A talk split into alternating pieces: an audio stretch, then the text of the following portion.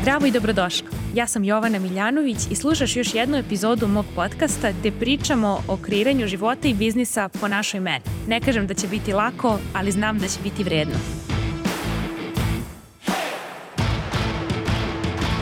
Zdravo i dobrodošli u današnju epizodu. Danas pričamo o samopouzdanju. Da li se samopouzdanje gradi ili se sa njim rađa? Ne bih znala da vam odgovorim na to pitanje jer nije kao da sam Bog, ali ono što znam je da u mom slučaju samopouzdanje je nešto što sam izgradila. Kada sam bila tek na početku, sigurno je da nisam imala samopouzdanje kakvo imam danas, kada imam znanje koje držim u rukavu i koje bukvalno u pola noći neko da me probudi, da me pita nešto vezano za biznis, bukvalno mislim da bi u polu snu mogla da mu odgovorim i da mu dam nešto korisno čak i u tom stanju. Odakle nalazimo e, naše samopouzdanje u našoj karijeri? Ja smatram da ono dolazi iz toga što smo prvo mnogo vremena posvetili izučavajući tu neku temu ne sa vizijom da mlatnemo keš iz toga kad to naučimo, nego sa vizijom da produbimo svoje znanje i iskustvo u toj oblasti, jer je to ono što nas raduje i to je ono zašto nas je Bog dao i to je ono što je za nas igra, to je ono što nam donosi radost, to je ono što nam je zabavno. Za mene je to biznis, za nekoga je to pisanje pesama kao za moju drugaricu Ognjenku Lakićević, za nekoga je to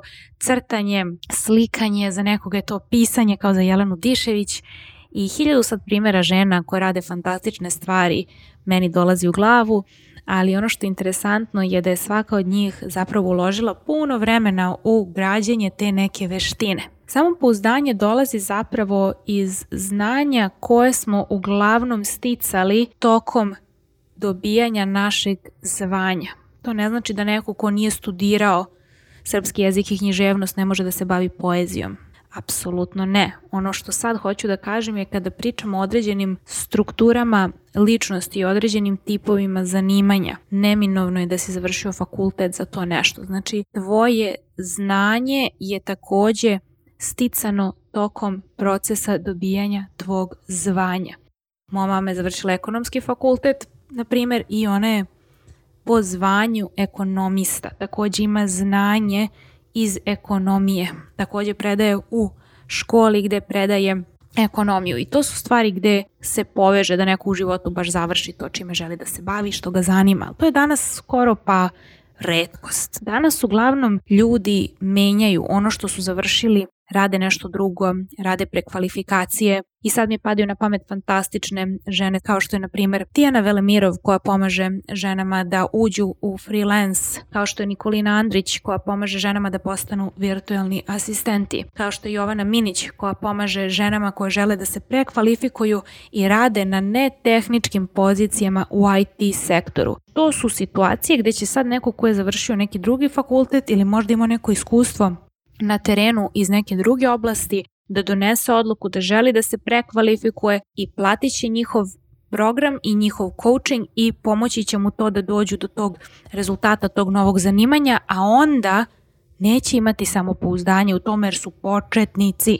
I stalno to ponavljam da ćeš biti očajan u početku jer si početnik i da je to definicija početnika, ne da budeš fantazija, nego budeš prosečan i očajan, prosečno očajan, tako ja to volim da kažem za sebe. Kako sam ja bila prosečno očajna kad sam krenula u teretanu prvi put pre četiri godine. Znači to su stvari u kojima je očekivano od tebe da budeš očajan jer si na početku i nema stida, nema srama, nema blama, prosto si početnik, to ti je u definiciji posla. Čak i kad završiš u tom trenutku, recimo stekneš to neko znanje na programima, recimo te tri žene, pa odlučiš ja ću budem virtualni asistent, ja ću budem freelancer ili ja ću da radim uh, u IT sektoru na netehničkoj poziciji. Ti i dalje nemaš samo pouzdanje iz tog posla, jer to moraš da stekneš tako što imaš i gradiš iskustvo. Ali ne samo pozitivno iskustvo kao vidi koji sam ja car, nego i negativno iskustvo kad dođeš na taj novi posao, gradiš neku karijeru ili počneš online biznis pa si očajan, pa ti žao što si očajan, pa te boli glava, pa ti se plače, pa ti se spava, pa bi sve radio pre nego što bi to radio što znaš da treba da uradiš, a od čega bežiš. E pa upravo kroz to iskustvo i kroz tu disciplinu da radiš stvari koje su teške i neprijatne i kada ti do toga nije, ti stičeš to pozitivno i negativno iskustvo kroz koje ti posle dobijaš samopouzdanje sa svakim strahom kroz koji si prošla da bi došla tu gde si pošla. I ovo se rimuje sjajno, to mi se sviđa.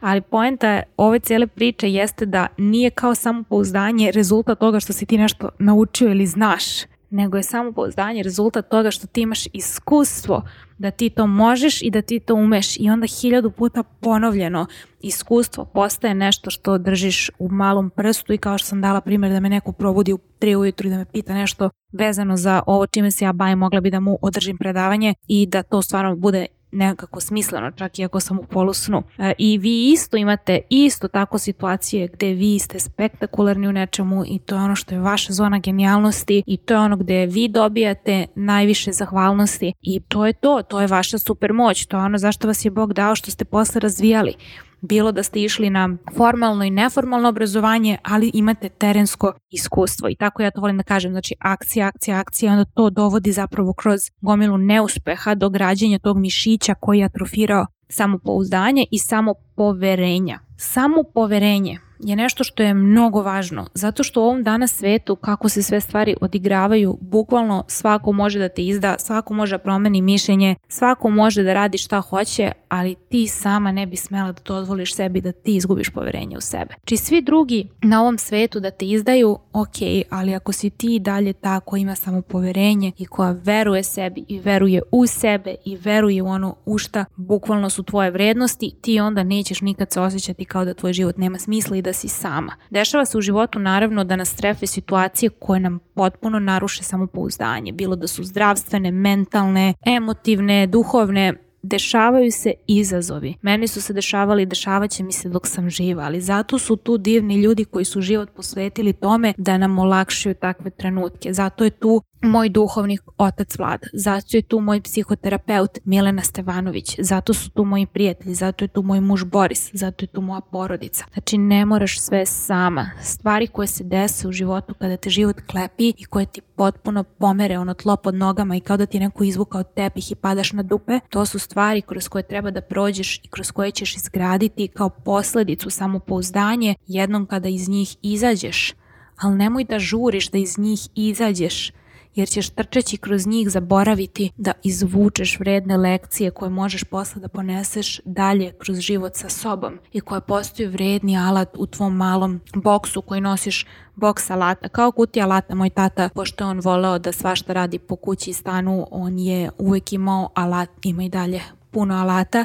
Imao je tu kutiju gde su svi alati za skoro sve moguće i nemoguće situacije u jednom domu. E upravo tako mi nosimo taj set alata u našoj glavi i svako od nas je dobio drugi set alata kad se rodio i svako od nas je dobio druge veštine koje je razvijao tokom života i onda kad se sve to smiksa svako od nas ima neki svoj jedinstveni put i iz tog razloga nema potrebe da gledaš šta je neko drugi uradio sa njegovim setom alata jer ti imaš svoj i gledaj u svoj set alata. Ono što je isto interesantno kad pričamo o samopouzdanju jeste da identifikuješ gde curi tvoje samopouzdanje.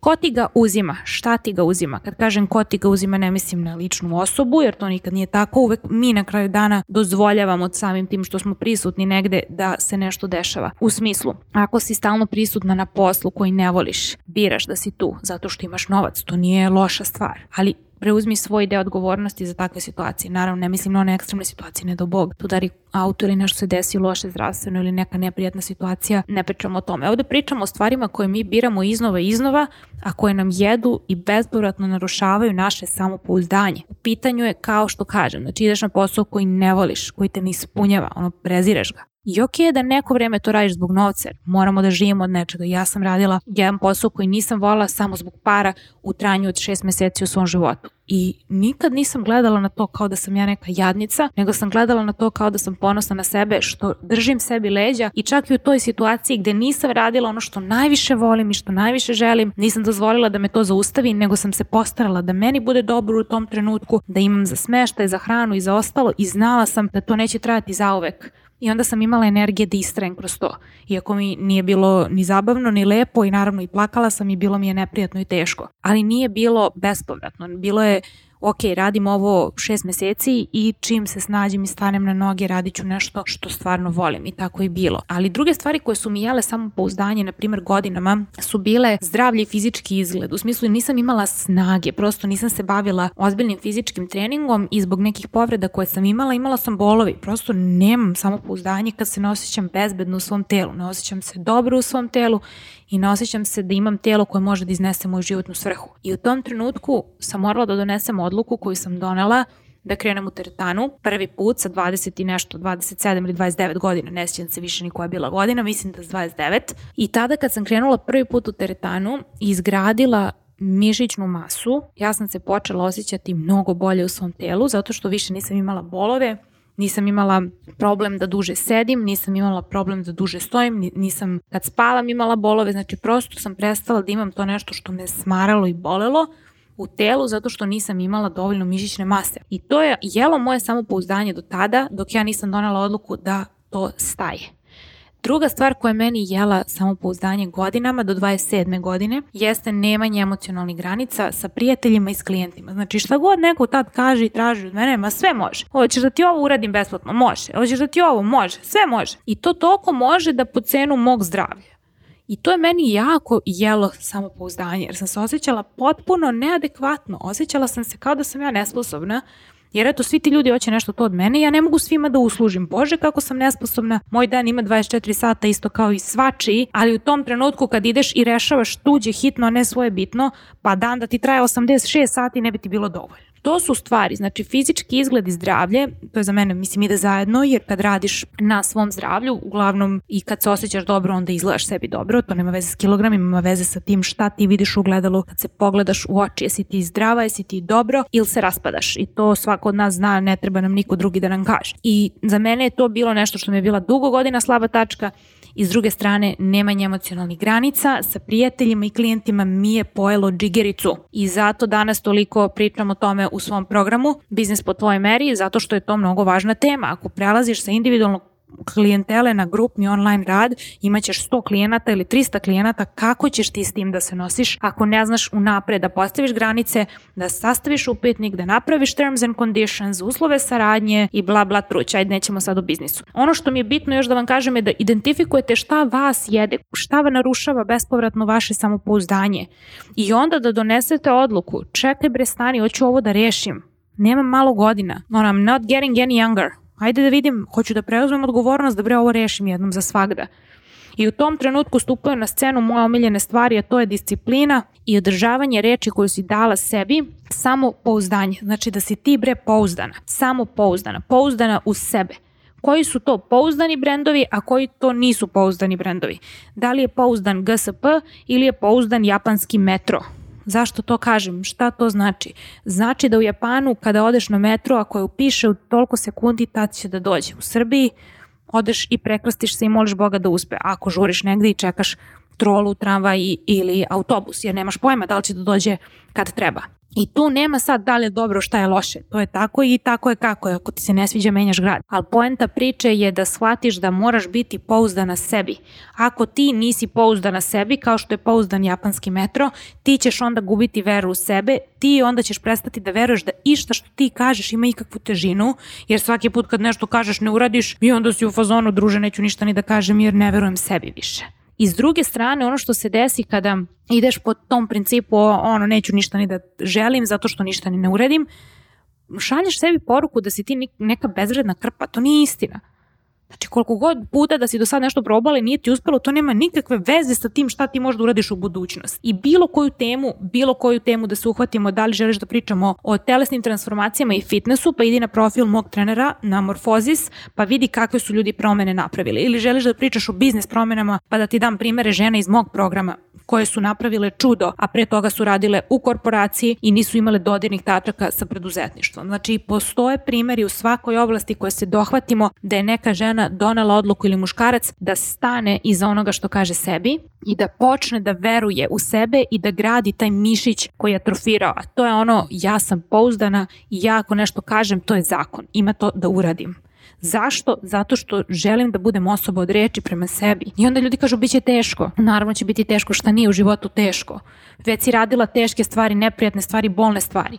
Koliko žena kad mi kaže, ja, to zvuči tako nemoguće, nebitno kad pričamo o biznisu i neki cilj, sad dođe toliko klijenata ili hoće da napravi neki kurs veliki pa treba i da snimi i da napravi PDF-ove i da svašta nešto tu uradi. I onda mi kaže, joj, ne znam, meni to zvuči baš teško, ja to nikad nisam radila a žena ima troje dece. Ja rekao, a kako si ti kad si prvo dete, a nikad to pre nisi radila? A dete ti u stomaku, pa ne možeš da ga vratiš, ideš na porođaj. Pa nisi govorila sebi, pa ja nisam nikad se porodila u životu, šta sada radim? Nego si, brate, išla i radila si ono što si mogla da radiš u datom trenutku i bilo je dovoljno dobro i eto te sad majka troje dece. Znači, možeš da rodiš dete, ali ne možeš da osmisliš program. Ma nemoj da me zezaš. Znači, to je ono gde mi sami podcenjujemo ono što smo već postigli i veličate ono što ja imam ili neko drugi. A gde je vaše? Gde je tu vaše? Gde su vaše teške, neprijatne i bolne stvari koje ste prevazišle? I gde ste izašle kao pobednik na drugu stranu? Čak i da niste izašle kao pobednik, izašli ste sa lekcijama koje nosite dalje u vašem kovčegu sa alatima. I za kraj, hoću da se zapitate kada biste sad imali to samopouzdanje u kakvom sanjate i kome težite, da li biste onda mislili da biste se zadržali u životu u kojem ste sada ili biste menjali možda i grad u kom živite i posao kojim se bavite i vezu u kojoj ste i krug prijatelja ili bi sve ostalo isto. Kada biste imali onoliko samopouzdanja koliko želite, da li biste birali ovaj život koji živete sada? Jer ako ne biste, vidite u kom grmu leži zec i šta treba da se menja sada, jer nekada možemo i akcijom da dođemo do određenih stvari, ne moramo samo razmišljanjem.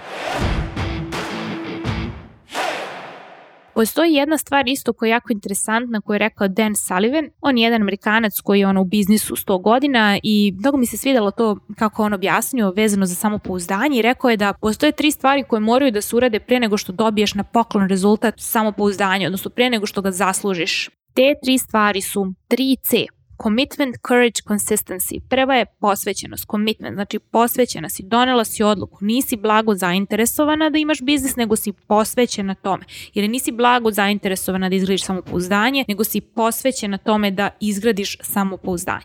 Šta ti onda treba kad doneseš odluku i postaviš jasnu nameru? Treba ti hrabro, zato što će bude neprijatno, osjećat ćeš se kao jadnik, zato što jesi u tom trenutku u tome jadna. Ja sam bila baš jadnik u teretani, nisam znala ništa, znači nisam znala namestim spravu da dignem te apsolutno ništa i osjećala sam se jadno i to je bilo okej. Okay Nisam ni očekivala da se osjećam kao zmaj kad nisam u životu podigla teg pre toga. Znači, morat ćeš da radiš stvari koje su ti neprijatne, a za to ti treba hrabrost. Treba ti hrabrost da pogledaš strah u oči, da se pogledaš u gledalo i kažeš vidi, bit ću očajna, ali to je okej, okay, svi su krenuli od nule. I šta ti onda treba? Treće što on rekao, consistency. I istrajnost. Ima bre da ideš dok ne dobiješ to pošto si došla. I to je ono što ja kažem, ti si tvoja najsigurnija investicija, bre. Ako si dala te pare za taj trening, ima da ideš. Ti se ne ide, pa šta? Pa nek ti se ne ide, pa idi. Zašto mora svaki dan da ti se nešto radi da bi radila? Pa ja tako ne znam stvarno ko bi dočekao ikada uradi šta vredno ovom životu da stalno čekaš da ti se nešto radi da bi radio. Pa bože, ne znam, meni to zvuči kao ono da imam tri godine. I kao sad, sad mi se ne igra pa neću da se igram. Pa druže, ako su ti došli drugari, ajde malo se poigre s njima pa onda idi radi nešto drugo. Ali ajde, neću pričam o tome, nemam dete pa ono kao da ne ispadne da pametam. Ali bila sam dete, tako da pričam iz iskustva. Zašto to kažem? Zato što nećemo raditi uvek stvari koje želimo da radimo i da bismo imali rezultat koji želimo da imamo, često radimo stvari koje nas smaraju, teško nam je, ali nam je, brate, vredno i zato ga i radimo. Vredno nam je jer kad zamislimo ko smo mi postali u tom procesu, nama je osmeh na licu. I onda to radimo zato što postajemo osoba koja želimo da budemo, a ne zato što imamo to nešto. Jer imati to nešto, to je jedan sekund. Ok, radiš na tome, imaš ga i šta ćeš s tim posle? To je samo kao neki milestone na putu, imaš sad to nešto. Pa dobro, imaš ga, ali nije bitno šta imaš nešto, nego šta si ti od alata i veština ugradio u svoj mozak i šta ti sad nosiš u svom tom toolkitu životnom svih tih veština, osobina, svih tih teških stvari koje si prešla do sada i svog tog i obrazovanja i znanja i zvanja i pozitivnog i negativnog iskustva i formalnog i neformalnog obrazovanja. I onda dobijemo taj jedan magični miks gde si ti bukvalno osoba koja jedina na svetu ima takvu priču i takvo iskustvo i kakav god biznis odlučiš da kreiraš, nemaš bre konkurenciju zato što niko nije ti i onda imaš to samo pouzdanje prirodno zato što si ga ti izgradila idući od jednog do drugog problema i nestajući, nego nastavljajući. Nekad padneš, nekad šest meseci zabodeš u mestu, ali onda kažeš vidi, ja ću da se vratim jer mi je ovo vredno. I ajmo dalje. I cela suština samopouzdanja jeste u tome da prestaneš da kritikuješ sebe kad padneš i kad si u downu i kad ti nije dobro i kad si tužna i kad si neraspoložena i kad imaš depresivnu nedelju i nešto se desilo i nije ti ni do čega. E tad u tim trenucima se gradi samopouzdanje, ne u onim kad si super, jej, sređena, našminkana, ideš u grad. Nije to taj trenutak. Trenutak je kad ti je loše i kad ti je teško i kad ležiš u krevetu i kad kažeš sebi ok, odmori sad, ali nećemo da odustanemo. Znam da ti je teško i deluje ti da nema izlaza, ali nećemo da odustanemo. Sačekaj do sutra. Dan je pametniji od noći. Samo nemoj sad da odustaneš u ovom stanju, ajde da vidimo još samo sutra kako ćeš se osjećati. I onda kažeš sebi, ajde još jedan dan da vidim. Ajde neću još da odustanem, ajde da probam još jedan dan. To je samo pouzdanje, nije samo pouzdanje shiny, flashy, ono što mislimo da jeste. Nego je samo pouzdanje za mene baš u tim situacijama kada ti nije ni do čega, ali odlučiš da si ti vredna da daš sebi još jednu šansu. Hvala vam što ste slušali i obavezno se prijavite na moj newsletter gde šaljem tokom leta češće mailove nego što to radim tokom godine. Ovog leta radim samo u julu program Biznis baza za sve vas koji želite u julu da radite sa mnom i da se posvetite tome da za četiri nedelje imate svoju neodoljivu ponudu s kojom možete da izađete na tržište samopouzdano. Hvala ti što si uložila svoje vreme i energiju u slušanje ove epizode mog podcasta. Ukoliko želiš da radiš sa mnom, najbolje mesto da se informišeš o aktualnim ponudama je moj web sajt www.jovanamiljanović.com. Čujemo se tamo na newsletteru i Instagramu.